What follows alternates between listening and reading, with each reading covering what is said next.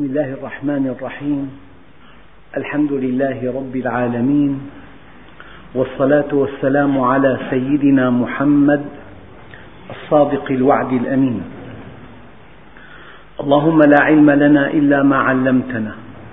إنك أنت العليم الحكيم.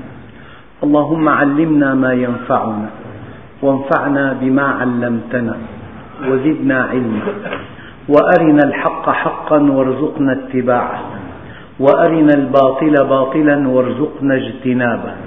واجعلنا ممن يستمعون القول فيتبعون أحسنه.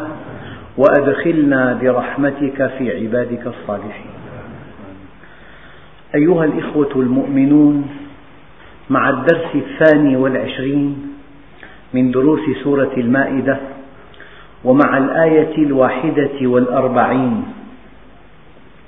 وهي قوله تعالى بسم الله الرحمن الرحيم. يا أيها الرسول لا يحزنك الذين يسارعون في الكفر من الذين قالوا آمنا بأفواههم ولم تؤمن قلوبهم. ومن الذين هادوا سماعون للكذب سماعون لقوم آخرين لم يأتوك يحرفون الكلم من بعد مواضعه. يقولون إن أوتيتم هذا فخذوه وإن لم تؤتوه فاحذروا. ومن يرد الله فتنته فلن تملك له من الله شيئا. أولئك الذين لم يرد الله أن يطهر قلوبهم لهم في الدنيا خزي ولهم في الآخرة عذاب عظيم. أيها الإخوة الكرام أنبياء الله جل جلاله خوطبوا ونودوا بأسمائهم. يا زكريا يا يحيى يا إبراهيم.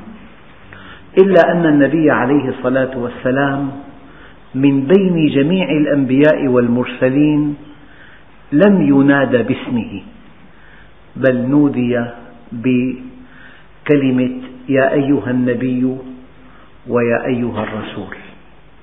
وهذا تكريم له وأي تكريم؟ لأن رسالته ألغت كل الرسائل السابقة ولأنه سيد الأنبياء والمرسلين. يا أيها الرسول لا يحزنك الذين يسارعون في الكفر. النبي بشر ولولا أنه بشر وتجري عليه كل خصائص البشر لما كان سيد البشر. لأنه بشر. وانتصر على بشريته كان سيد الأنبياء والمرسلين. والذين قالوا إن الكون خلق من أجل محمد شطحوا.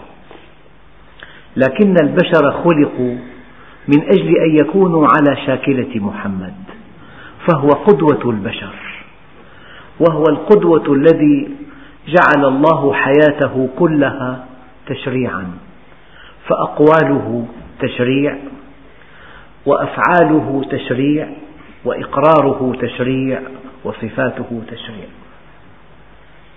رسالته خاتمة ورسالته ناسخة.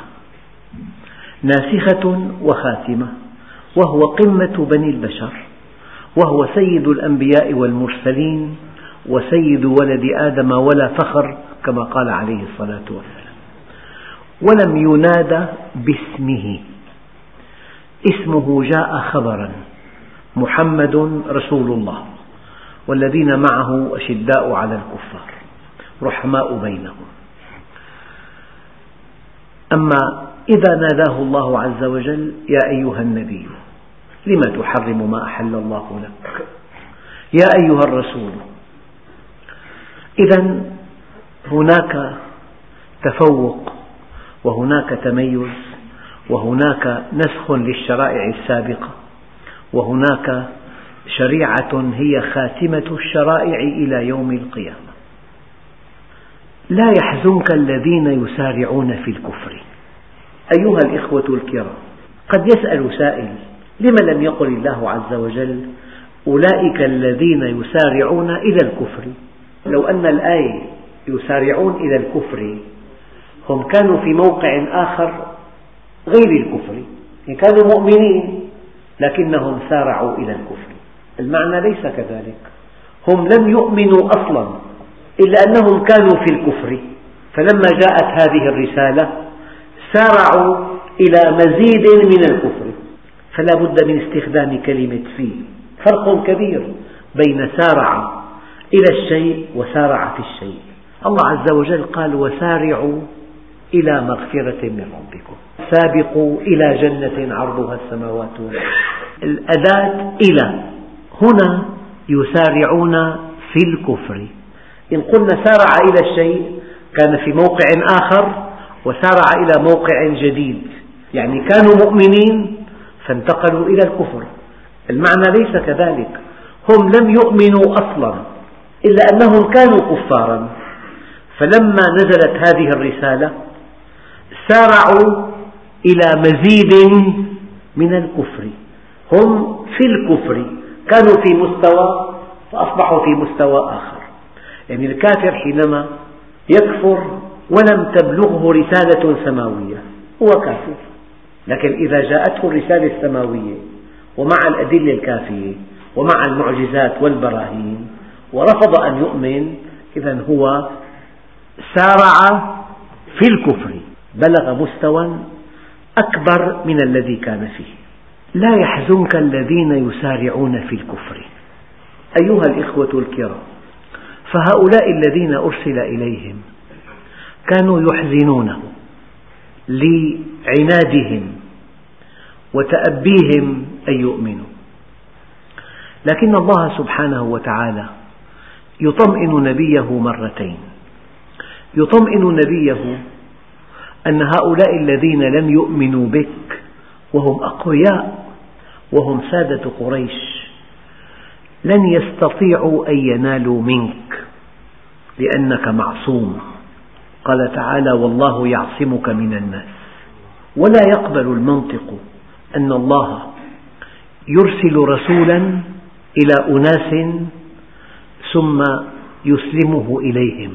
خالق هذا الكون مبدع هذا الكون هو القوي لا يسمح لأعدائه أن ينالوا من أنبيائه. لذلك أخبره الله عز وجل أنه يعصمه من الناس.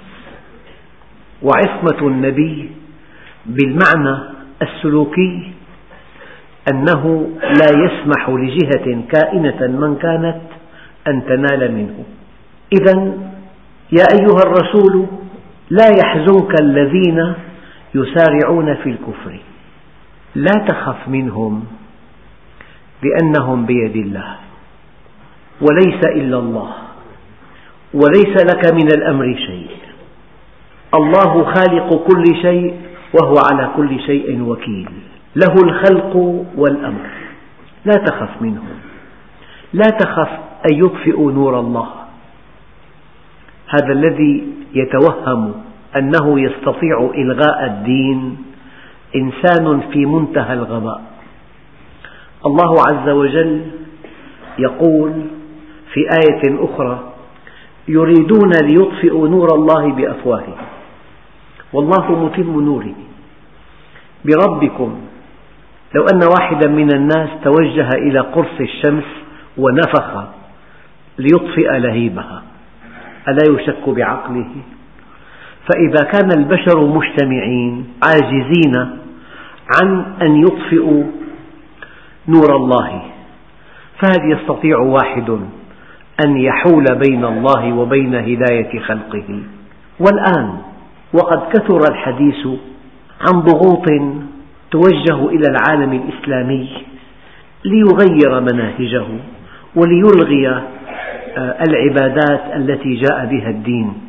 هل تعتقدون أن جهة في الأرض مهما قويت ومهما تضخم شأنها ومهما استعلت ومهما تغطرست تستطيع أن تحول بين الله وبين هداية خلقه؟ هذا من سابع المستحيلات. لكن الله يسمح للطرف الآخر أن يهددوا وأن يتوعدوا ليمتحن إيمان المؤمنين. الذين قال لهم الناس إن الناس قد جمعوا لكم فاخشوهم فزادهم إيمانا وقالوا حسبنا الله ونعم الوكيل. فيا أيها الرسول لا يحزنك الذين يسارعون في الكفر. هؤلاء الألداء الأعداء الذين أصروا على كفرهم ورفضوا دعوة الحق. ورفضوا دعوة النبي عليه الصلاة والسلام.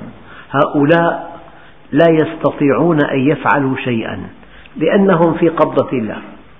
فكيدوني جميعا ثم لا تنظرون. إني توكلت على الله ربي وربكم.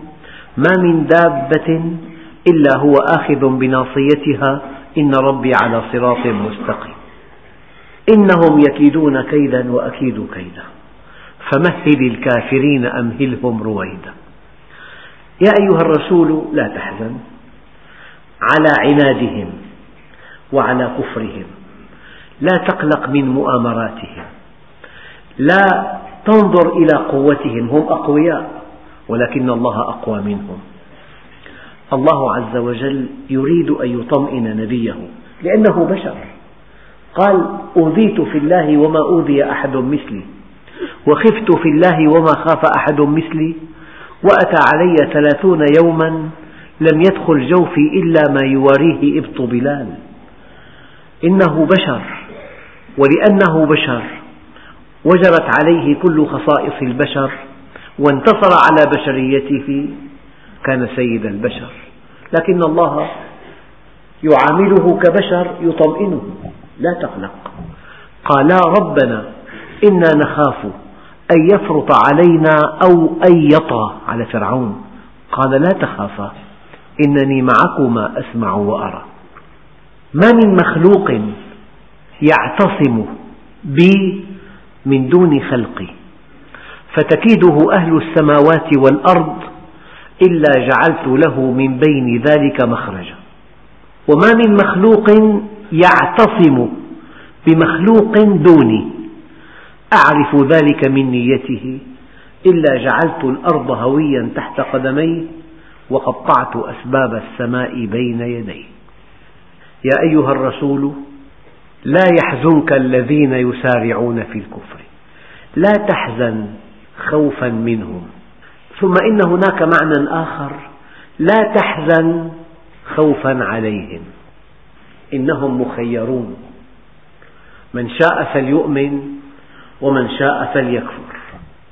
إنا هديناه السبيل إما شاكرا وإما كفورا. لو أراد الله أن يقهر الناس على الإيمان به وعلى طاعته لكان شيئا على الله يسير. ولو شاء ربك لجعل الناس أمة واحدة. ولكنه أراد أن نأتيه محبين مختارين طائعين. لو أن عبدا شرسا كذوبا شرودا ربطته بسلاسل فإذا طلبته شددت السلسلة فجاءك.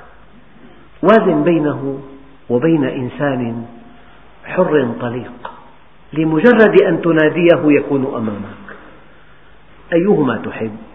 تحب الثاني الذي يأتيك طوعا.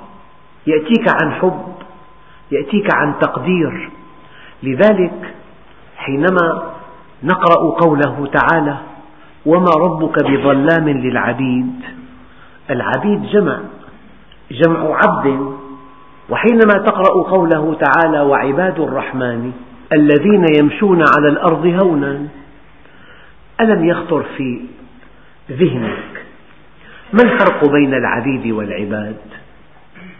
العبيد جمع عبد والعباد جمع عبد. واختلاف المبنى دليل اختلاف المعنى. قال بعض علماء التفسير العبيد جمع عبد القهر. أي إنسان كائنا من كان مسلما أو كافرا مستقيما أو عاصيا مؤمنا أو ملحدا هو عبد لله هو عبد قهر. يعني قطر الشريان التاجي بيد الله. سيولة الدم بيد الله. نمو الخلايا بيد الله. والله عز وجل في أية ثانية يجعل الإنسان جثة هامدة. إن هي إلا صيحة واحدة. فإذا هم جميعا خالدون. فكل إنسان كائنا من كان مسلما كان أو كافرا هو عبد لله بمعنى أنه مقهور بحكم الله. هذه الحقيقة تغيب عن الأقوياء الجهلاء. في أي لحظة أنت في قبضة الله؟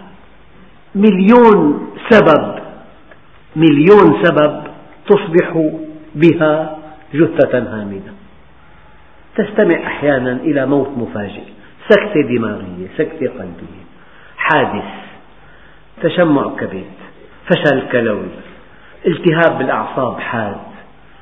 فالله عز وجل قاهر عباده فكل عباده عبيد له قهرا لكن كلمة عباد التي هي جمع عبد هذا عبد الشكر. هذا الذي عرف الله مختارا. هذا الذي أقبل عليه مشتاقا. هذا الذي أطاعه وهو قوي وهو في مقتبل حياته. هذا العبد يجمع على عباد وعباد الرحمن الذين يمشون على الأرض هونا. إذا يا محمد لا تحزن بسبب خوفك منهم فإنهم في قبضتي. ولا تحزن بسبب خوفك عليهم فإنهم مخيرون. أنا لا أريد طاعة قسرية. الطاعة القسرية لا تسعد الطائع. يريد الله إنسانا يحبهم ويحبونه. لذلك يقول الله عز وجل يا أيها الرسول لا يحزنك الذين يسارعون في الكفر من الذين قالوا آمنا بأفواههم. الإيمان محله القلب والإسلام محله الجوارح. فأنت تؤمن بقلبك. أما إذا آمنت بلسانك فهذا هو النفاق. ولا يستطيع أحد في الأرض كائنا من كان أن يطلع عليك فيما تضمر. هذا من فضل الله علينا. لا تستطيع جهة في الأرض مهما أوتيت من قوة أن تمنعك أن تفكر أو أن تمنعك أن تؤمن. فالإيمان محله القلب. والإسلام محله الجوارح. هؤلاء جعلوا الإيمان بأفواههم. إذا هذا إيمان المنافقين. فالمنافقون إذا لقوا الذين آمنوا قالوا آمنا. وإذا خلوا إلى شياطينهم قالوا إنا معكم. إنما نحن مستهزئون. الله يستهزئ بهم. فهؤلاء الذين قالوا آمنا بأفواههم لم يدخل الإيمان في قلوبهم. إذا هم كفار ولكنهم أذكياء. أرادوا أن ينتفعوا من صفات المؤمنين. قالوا آمنا بأفواههم ولم تؤمن قلوبهم ومن الذين هادوا. يعني المنافقون كفار في الحقيقة. إن المنافقين هم الكافرون. لكنهم كفار أعلنوا الإسلام تحقيقا لمصالحهم. لذلك مكانهم يوم القيامة في الدرك الأسفل من النار ذلك لأن الكافر واضح وأحيانا تحترمه. واضح. لم يكذب. قال لك أنا لا أؤمن بالدين. بعيدا عن أن كلامه صحيح أو خطأ هو واضح والمؤمن واضح لكن المخيف هو المنافق. يقول مما تقول ويفعل بعكس ما تقول. معك بلسانه ومع الكفار بقلبه. يقول من قول خير المرسلين ويفعل فعل أسوأ الشياطين. ومشكلة المسلمين في المنافقين. ونحن أيها الإخوة لا نخشى على الإسلام من أعدائه. نخشى عليه من أدعيائه. لا نخشى عليه من الطرف الآخر. نخشى عليه ممن تلبسوا بالدين لأسباب دنيوية. لذلك يقول الإمام الشافعي لأن أتجر بالرقص أفضل من أن أتجر بالدين. أو لأن أرتزق بالرقص أفضل من أن أرتزق بالدين. فهؤلاء الكفار الذين عاشوا مع النبي والذين أبوا أن يؤمنوا به. ثم آمنوا بألسنتهم لا بقلوبهم. تحقيقا لمصالحهم أو تحقيقا لمصالح الطرف الآخر. قال تعالى يا أيها الرسول لا يحزنك الذين يسارعون في الكفر من الذين قالوا آمنا بأفواههم ولم تؤمن قلوبهم. ومن الذين هادوا سماعون للكذب. أنت إذا أتيت بمنشار وقدوم وقطعت خشبة تسمى ناجر. لا تسمى نجار. النجار الذي اتخذ النجارة حرفة يعني خبرات متراكمة. الإنسان قد يسمع الكذب. المؤمن قد يكون في مكان فيسمع الكذب إلا أنه لا يقبله فإذا استطاع يرده. لكن المنافق يعني من خصائصه أنه سماع للكذب اتخذ من سماع الكذب صفة له. يستمع إلى الكذب وينطق بالكذب ويرحب بالكذب ويروج الكذب. فالإنسان حينما يتخذ الكذب أداة يسمعه يرحب به يثني عليه ينطق به يعظم الكذابين ويحقد على الصادقين. هذا إنسان عدو للدين. فهؤلاء الذين ينهى الله عز وجل نبيه أن يحزن من أجلهم أو أن يحزن عليهم أو أن يحزن خوفا منهم هؤلاء سماعون للكذب والمؤمن يطبع على الخلال كلها. قد تجد مؤمنا عصبي المزاج وقد تجد مؤمنا هادئ الطبع وقد تجد مؤمنا اجتماعيا وقد تجد مؤمنا يؤثر الوحدة على الاجتماع. وكل هذه الطباع مقبولة وعلى العين والرأس. يطبع المؤمن على الخلال كلها إلا الكذب والخيانة. فهو لا يكذب ولا يخون. يا أيها الرسول لا يحزنك الذين يسارعون في الكفر من الذين قالوا آمنا بأفواههم ولم تؤمن قلوبهم. ومن الذين هادوا سماعون للكذب سماعون لقوم آخرين. القوم الآخرون هم زعماء قريش لكبرهم وغطرستهم واستعلائهم يتأبون أن يجلسوا بمجلس رسول الله. لكنهم يرسلون الجواسيس ليعلموهم ماذا يقول. فهؤلاء سماعون للكذب سماعون لقوم آخرين لم يأتوك. يحرفون الكلمة من بعد مواضعه. أيها الإخوة من معاني سماعون للكذب أنهم يستمعون إلى النبي عليه الصلاة والسلام وهدفهم أن يكذبوا عليه أن يحوروا كلامه إرضاء للطرف الآخر. وفي معنى آخر هم يستمعون من أهل الباطل للكذب ويثنون على الكذب. في معنى ثالث سماعون لقوم آخرين يعني يستمعون من رسول الله لحساب قوم آخرين. القوم الآخرون دفعوهم إلى أن يستمعوا ليقفوا على حقيقة دعوة النبي عليه الصلاة والسلام. وكلمة سماعون صيغة مبالغة أي أنهم ألفوا أن يستمعوا إلى الكذب. المؤمن قد يستمع إلى الكذب فيرفضه لكن لا يسمى سماع يسمى سامع.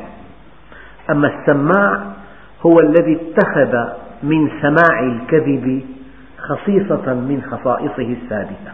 سماعون للكذب سماعون لقوم آخرين. لم يأتوك كبرا واستعلاء وغطرسة يحرفون الكلمة من بعد مواضعه. يتلاعبون بالألفاظ. يعني إذا قال الله مثلا لا تقربوا الصلاة وأنتم سكارى يكتفون بقوله لا تقربوا الصلاة. وإذا قال الله عز وجل واعبد ربك حتى يأتيك اليقين. يفسرون اليقين لا على ما فهمه أصحاب رسول الله على مزاجهم. ما دمت قد تيقنت من إيمانك فانتهت عبادة ربك. مثلا يستمعون للكذب من الكفار ويثنون على الكفار ويستمعون من رسول الله من أجل أن يكذبوا عليه ويستمعون لحساب قوم آخرين مستكبرين لم يأتوا رسول الله. سماعون لقوم آخرين لم يأتوك. يحرفون الكلمة من بعد مواضعه. لا يضعون الكلمة في مواضعها. يزورون يحرفون. يقولون إن أوتيتم هذا فخذوه وإن لم تؤتوه فاحذروا. يعني إذا الكلام قابل للتحريف فخذوه من رسول الله وحرفوه. وإن لم تستطيعوا تحريفه فاحذروا أن تنقلوه عن رسول الله. يعني الكلام الذي لا يؤول قطعي الدلالة. هذا كلام إذا نقل قوي مركز النبي عليه الصلاة والسلام. فكل كلام واضح قطعي الدلالة ينبغي ألا تأخذوه وألا تنقلوه. أما الكلام الذي يحتمل التأويل ويحتمل التزوير فخذوا هذا الكلام وغيروا مواضعه وروجوه بين الناس. يعني أذكر قصة للتوضيح يعني مرة قلت أن الإنسان لو قبل المصحف من وجوهه الست ولم يعمل بأحكامه لا ينتفع بهذا التقبيل. واحد نقل هذا الكلام وقال أن فلان يحرم تقبيل المصحف. أنا لم أحرم تقبيل المصحف لكنني أشرت إلى حديث قاله النبي عليه الصلاة والسلام رب تال للقرآن والقرآن يلعنه لا يحل حلاله ولا يحرم حرامه فماذا تنتفع بأن يكون المصحف في صدر محلك التجاري وأنت تكذب مع كل نفس؟ ماذا تنتفع بمصحف في مقدمة مركبتك وأنت تتحرك لإيذاء الناس وللكذب عليهم ولابتزاز أموالهم؟ لذلك يمكن أن تقول كلمة لا شيء فيها إطلاقا لكنها تحرف وتغير وتؤول لا لصالحك.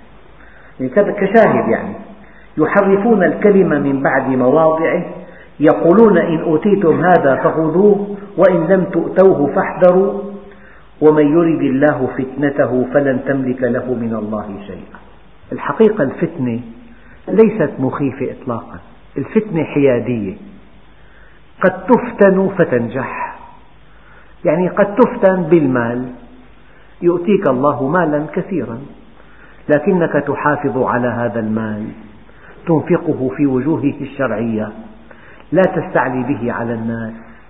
تنفقه بكلتا يديك لكل مسكين ومحتاج. أنت فتنت بالمال فنجحت وقد تفتن بالمال فلا تنجح. يدعوك إلى الاستكبار وإلى البخل وإلى أن تنفقه جزافا على شهواتك وإلى أن تمنعه في وجوه الخير. فالفتنة امتحان حيادي. لذلك قال تعالى ومن يرد الله فتنته فلن تملك له من الله شيئا. هكذا شاءت حكمة الله. إنا كنا مبتلين. أحسب الناس أن يتركوا أن يقولوا آمنا وهم لا يفتنون؟ يعني لا بد من أن تفتن إلا أن المعنى الذي يفهمه العامة من كلمة فتنة أن تدمر. فلان فتن فدمر. لا. فتن أي امتحن فقط. والعبرة بالنتيجة. قد تنجح وقد لا تنجح. سيدنا يوسف عليه وعلى نبينا أفضل الصلاة والسلام. ألم يفتن بامرأة العزيز؟ هل نجح أم رسب؟ نجح. قال معاذ الله إنه ربي أحسن مثواي. لم يرسب. وألوف الشباب يكونون في موقف مشابه لهذا النبي الكريم. فيفتنون ويقترفون الفاحشة. فالعبرة لا بالفتنة بنتائج الفتنة. إذا نجحت فهذا نجاح كبير. الله عز وجل خاطب سيدنا موسى قال وفتناك فتونا. أي امتحنا ما في نفسك. الله عز وجل يفتن عباده كل دقيقة وكل ساعة وكل يوم وكل شهر. إن آتاك المال فتنك به وإن حرمك منه فتنك هل تصبر؟ هل ترضى بقضاء الله؟ إن قوى الكافر يفتنك بهذا هل تقول أين الله؟ أم تقول حسبي الله ونعم الوكيل فقد يقوي الكافر وقد يقوي المؤمن وقد يعطي وقد يمنع وقد يرفع وقد يخفض وقد يعز وقد يذل وقد يبسط وقد يقبض هذه كلها فتن لذلك حينما قال عليه الصلاة والسلام أقبلت الفتن كقطع الليل المظلم. المرأة كاسية عارية في الطريق أليست فتنة؟ إما أن تغض عنها البصر فترقى وإما أن تملأ عينيك من محاسنها فتفتن فتسقط. المال الحرام إما أن تأخذه فتسقط وإما أن ترفضه فترقى عند الله. ومن يرد الله فتنته فلن تملك له من الله شيئا. يعني أنت يا محمد لا تستطيع أن تحول بين الله عز وجل وبين امتحان عباده لأن أصل الدنيا دار امتحان الأصل في الدنيا أنها دار امتحان. إنا كنا مبتلين هو الذي خلق الموت والحياة ليبلوكم أيكم أحسن عملا. أولئك الذين لم يرد الله أن يطهر قلوبهم. الحقيقة الآية تحتاج إلى شرح بسيط. هذا الطالب الذي هو في الجامعة والذي لم يحضر ولا درس والذي لم يقدم الامتحان ولم يداوم ولم يعتذر ولم ولم ولم ولم. أرسلت له بطاقات إنذار. أرسل له من يقنعه بمتابعة الدراسة. آه، شدد عليه هدد رغب لم يتأثر ولم يستجب ولم يعتذر ولم يأتي إلى الجامعة ولم يقرأ ولم يتصل بأستاذ. هذا ماذا أراد؟ أراد ألا يتابع الدراسة. الآن الإدارة لها موقف من هذا الطالب. تريد الإدارة أن ترقن قيده وأن تفصله من الجامعة. فإرادة إدارة الجامعة هي في الحقيقة تجسيد لإرادة الطالب. فإذا قال الله عز وجل أولئك الذين لم يرد الله أن يطهر قلوبهم لأنهم ما أرادوا تطهير قلوبهم. هذا شيء واضح تمام. إنسان لا يعنيه إلا المال لا يعنيه إلا المرأة لا يعنيه إلا الشهوة لا يعنيه إلا العلو في الأرض. مهما حدثته عن الدين وعن كتاب الله وعن سنة رسول الله وعن أصحاب رسول الله وعن الآخرة المديدة التي فيها ما لا عين رأت هو ليس معك إطلاقا. هذا الإنسان لا تستطيع قوى الأرض أن تقنعه بالدين لأنه اتخذ قرارا بدائيا برفض الدين من الداخل. فانتهى الأمر. هذا معنى قوله تعالى أولئك الذين لم يرد الله أن يطهر قلوبهم لهم في الدنيا خزي ولهم في الآخرة عذاب عظيم. لهم في الدنيا خزي ولهم في الآخرة عذاب عظيم. في الدنيا لأنهم ابتعدوا عن الله عز وجل سقطوا من أعين الله. وأراد الله تأديبهم إما بعذاب مهين وإما بعذاب أليم وإما بعذاب عظيم. فإذا أصروا على كفرهم وانتقلوا إلى الدار الآخرة كان الجحيم منتهاهم. أيها الإخوة الآية بسم الله الرحمن الرحيم. يا أيها الرسول لا يحزنك الذين يسارعون في الكفر من الذين قالوا آمنا بأفواههم ولم تؤمن قلوبهم.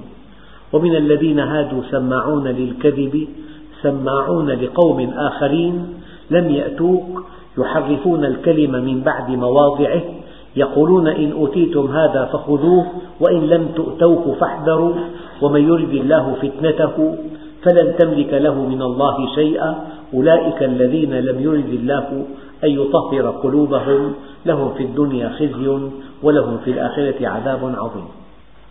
والحمد لله رب العالمين.